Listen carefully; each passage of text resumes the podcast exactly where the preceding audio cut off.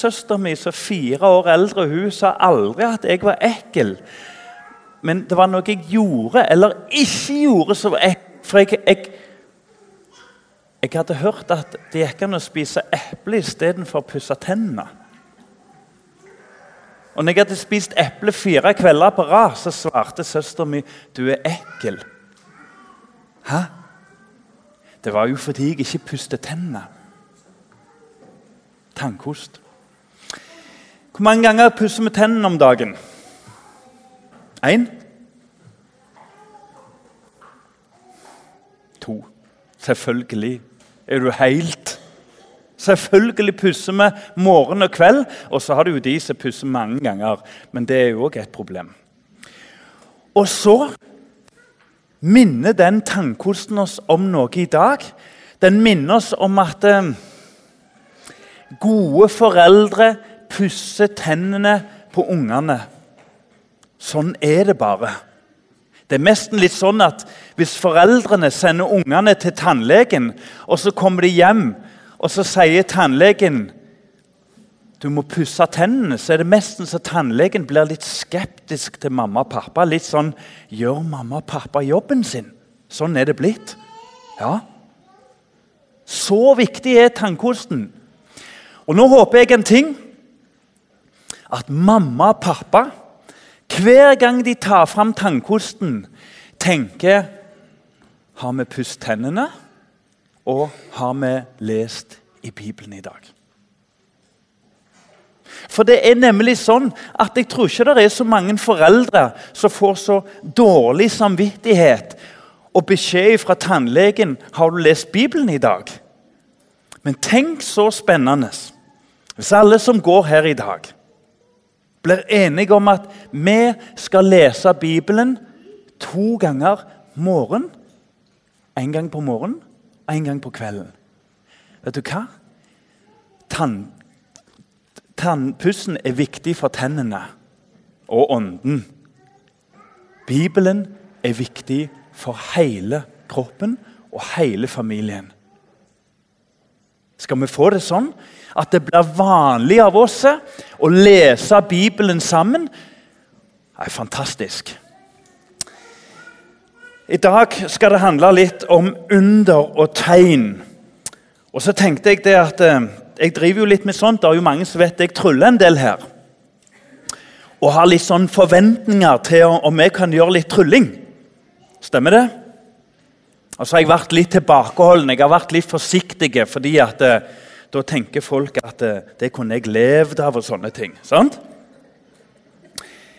Og så lurer jeg på f.eks. om um, Ja, kan Kan du bak der Dere ser hva dette er? En ufo. Sant? Kan du se om, om den er en Om det er noe triks med han? Ser du noe triks? Ser du noe lureri? Nei, jeg kan få han tilbake. Nå har hun testa han, hun har kjent på han, hun har snudd litt på han. Og så er det nemlig sånn at eh, jeg driver ikke med lureri. Men dette handler litt om magnetisme. så Hvis du gjør sånn når jeg har gått i timevis, hvis du gjør sånn, så blir du veldig lada. Og så du tar på folk, så blir det sånn elektrisk. Så jeg har gått i timevis. Og det som skjer da, det er at den hånda og den hånda blir full av strøm. Full av strøm. Det er helt sant. Og greia er at um, da kan vi gjøre bare et sånn bitte lite triks. Et, på et et litt tulleunder. Ikke sant? Åh, håper jeg har nok strøm.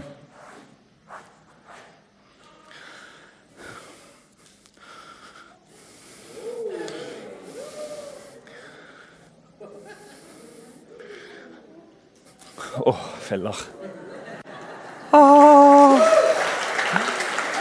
Ok? Ikke ta på folk når du gjør sånn. Det har fryktelig mye strøm.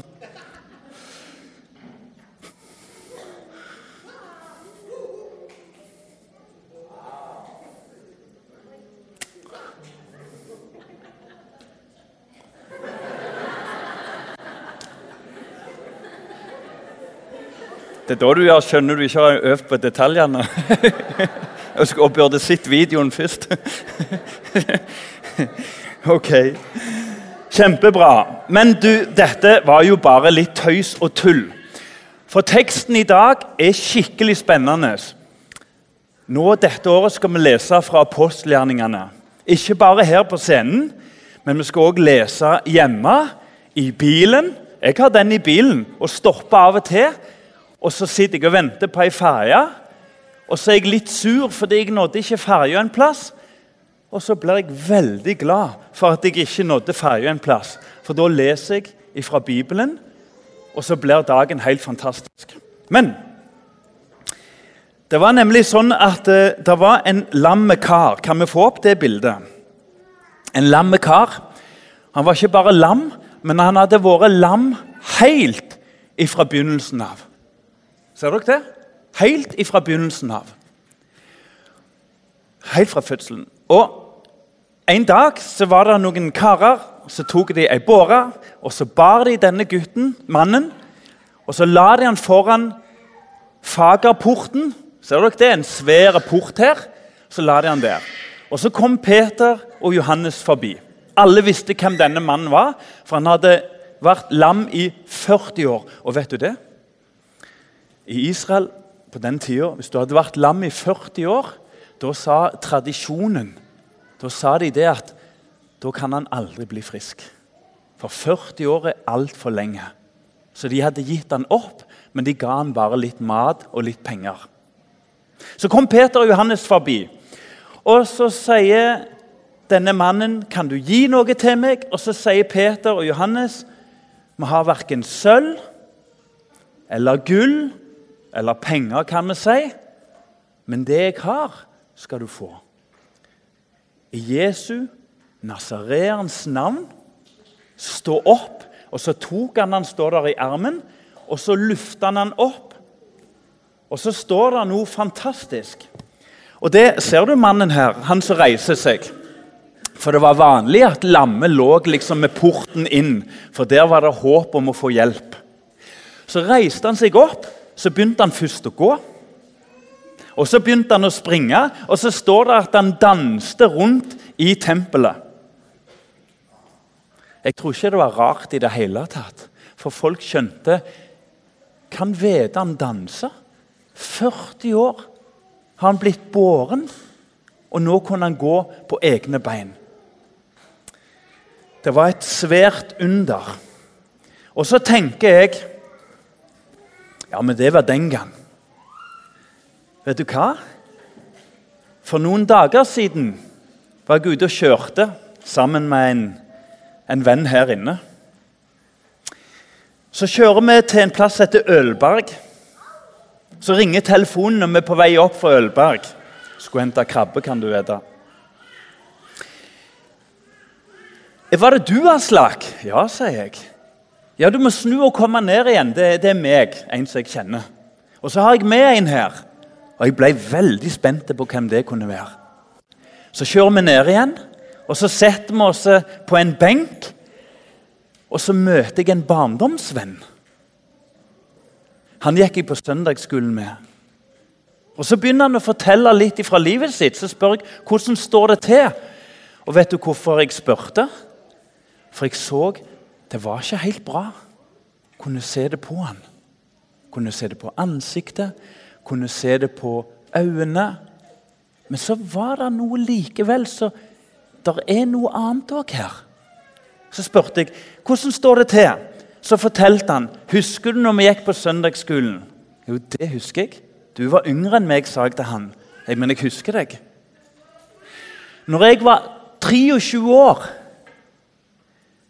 så kjente jeg 15 millioner. Ikke inntekt, men overskudd. Jeg hadde 15 millioner i flere år i overskudd. Ja, det er mye penger. Det er mer enn noen tjener et helt liv. Han hadde en enorm suksess. Men så hadde han et stort problem. Han hadde brukt veldig mye alkohol, og så hadde han mista kontrollen. Og Jeg sier ikke at det er nødvendigvis galt å drikke. jeg sier ikke det. Men jeg sier at denne mannen mista fullstendig kontroll. En dag så sa han han hadde drukket nesten tre whiskyflasker. Så tenker jeg Går det an? Går det an å drikke så mye? For om ikke du dør når du har sånn tre-fire i promille, eller fem, eller hva det er, noe der en plass, så sier han noe jeg ikke forsto, at når du har drukket så mye som meg, så skilles hos noen mennesker så skilles dette her ut og blir gift og blir aceton, og kroppen forbrenner det ikke. Og jeg holdt på å dø av forgiftning. Så kom jeg inn på sykehuset. Så står legene bare og ser på hverandre, for du skulle vært død. Og Så ble han helbreda. Så går det galt igjen. Én gang, to ganger tre, fire, mange ganger. Inn på sykehuset, ut igjen. Og legene sier det er siste gang vi ser deg nå, for dette går ikke en til gang. En dag så var han så langt nede at han sa at jeg følte ikke jeg var menneske lenger. sa han. Jeg var åndelig død. Men da kom Gud, og så sa Gud til ham du må bli helbreda av meg og bare meg. Så ble han helbreda. Så fikk jeg altså møte en person Jeg har spurt om å fortelle det. Så fikk jeg møte en person som er helt sikker på at han ble helbreda.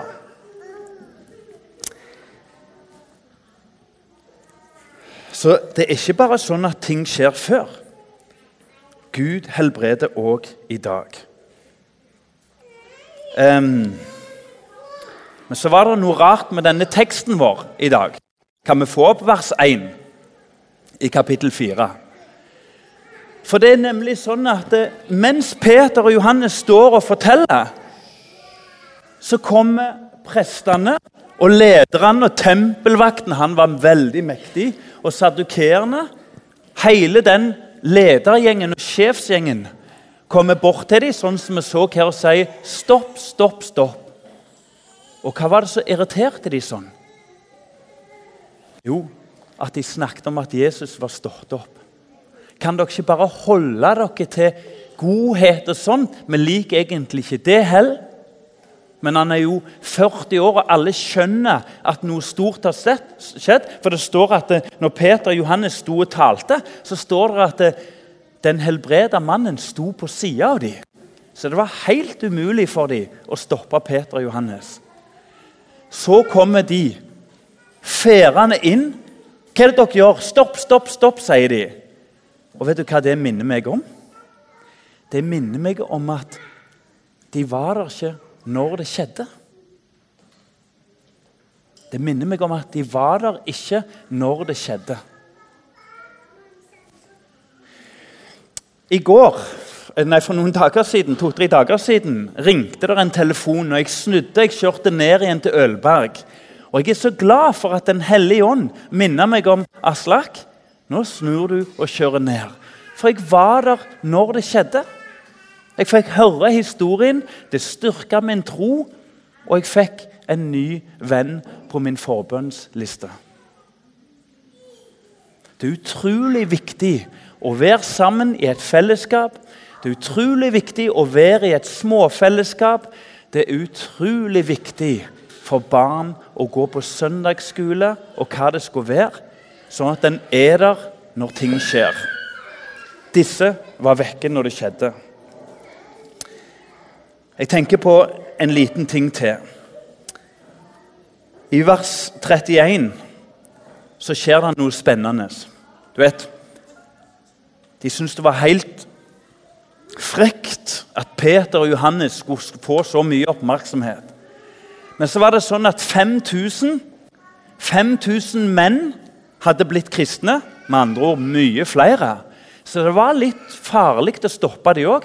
For de to onde mennene som prøvde å stoppe Peter og Johannes, de var rett og slett ikke redde så, redde Peter og Johannes, men de var redde dere, folket. De var rett og slett redde å bli steina sjøl, så de var noen feiginger. Ja. Og så står det at de, at de eh, sendte de i fengsel, bare sånn for sikkerhets skyld, og slapp de ut igjen dagen etterpå. Og Så gikk de til de andre kristne, og så ba de sammen. Det vi lærer i dag fra teksten, at det er stor makt i å komme sammen og be. Og Nå tenker jeg vi skal gjøre én ting. Hvis vi kan være helt stille nå Helt stille. Og så legger vi hendene sammen, for det er lurt. Ikke fordi at Gud ikke vil høre før vi gjør det, men fordi det er lurt å gjøre det. Og så lukker vi øynene, og akkurat nå så kommer vi sammen. Og så syns vi ikke først og fremst synd på de som er forfulgt for Jesu navn, men først og fremst så ber vi for dem. Skal vi helt stille be nå, hver og en av oss? Og så ber vi for alle som lider for Jesu navn.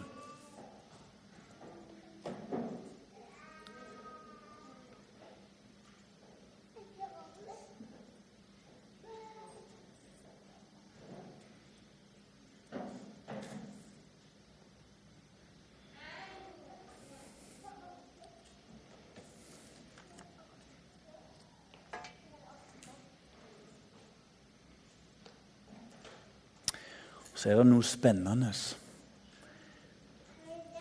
At reaksjonen til de kristne var ikke å ta opp kampen. Reaksjonen til de kristne var ikke å gjøre alle de 5000 menn om til soldater. Men reaksjonen var å komme sammen og be. Og så skjedde det store under. Og en del av det var at mange dessverre òg måtte dø for Jesu navn. Men når de har kommet sammen,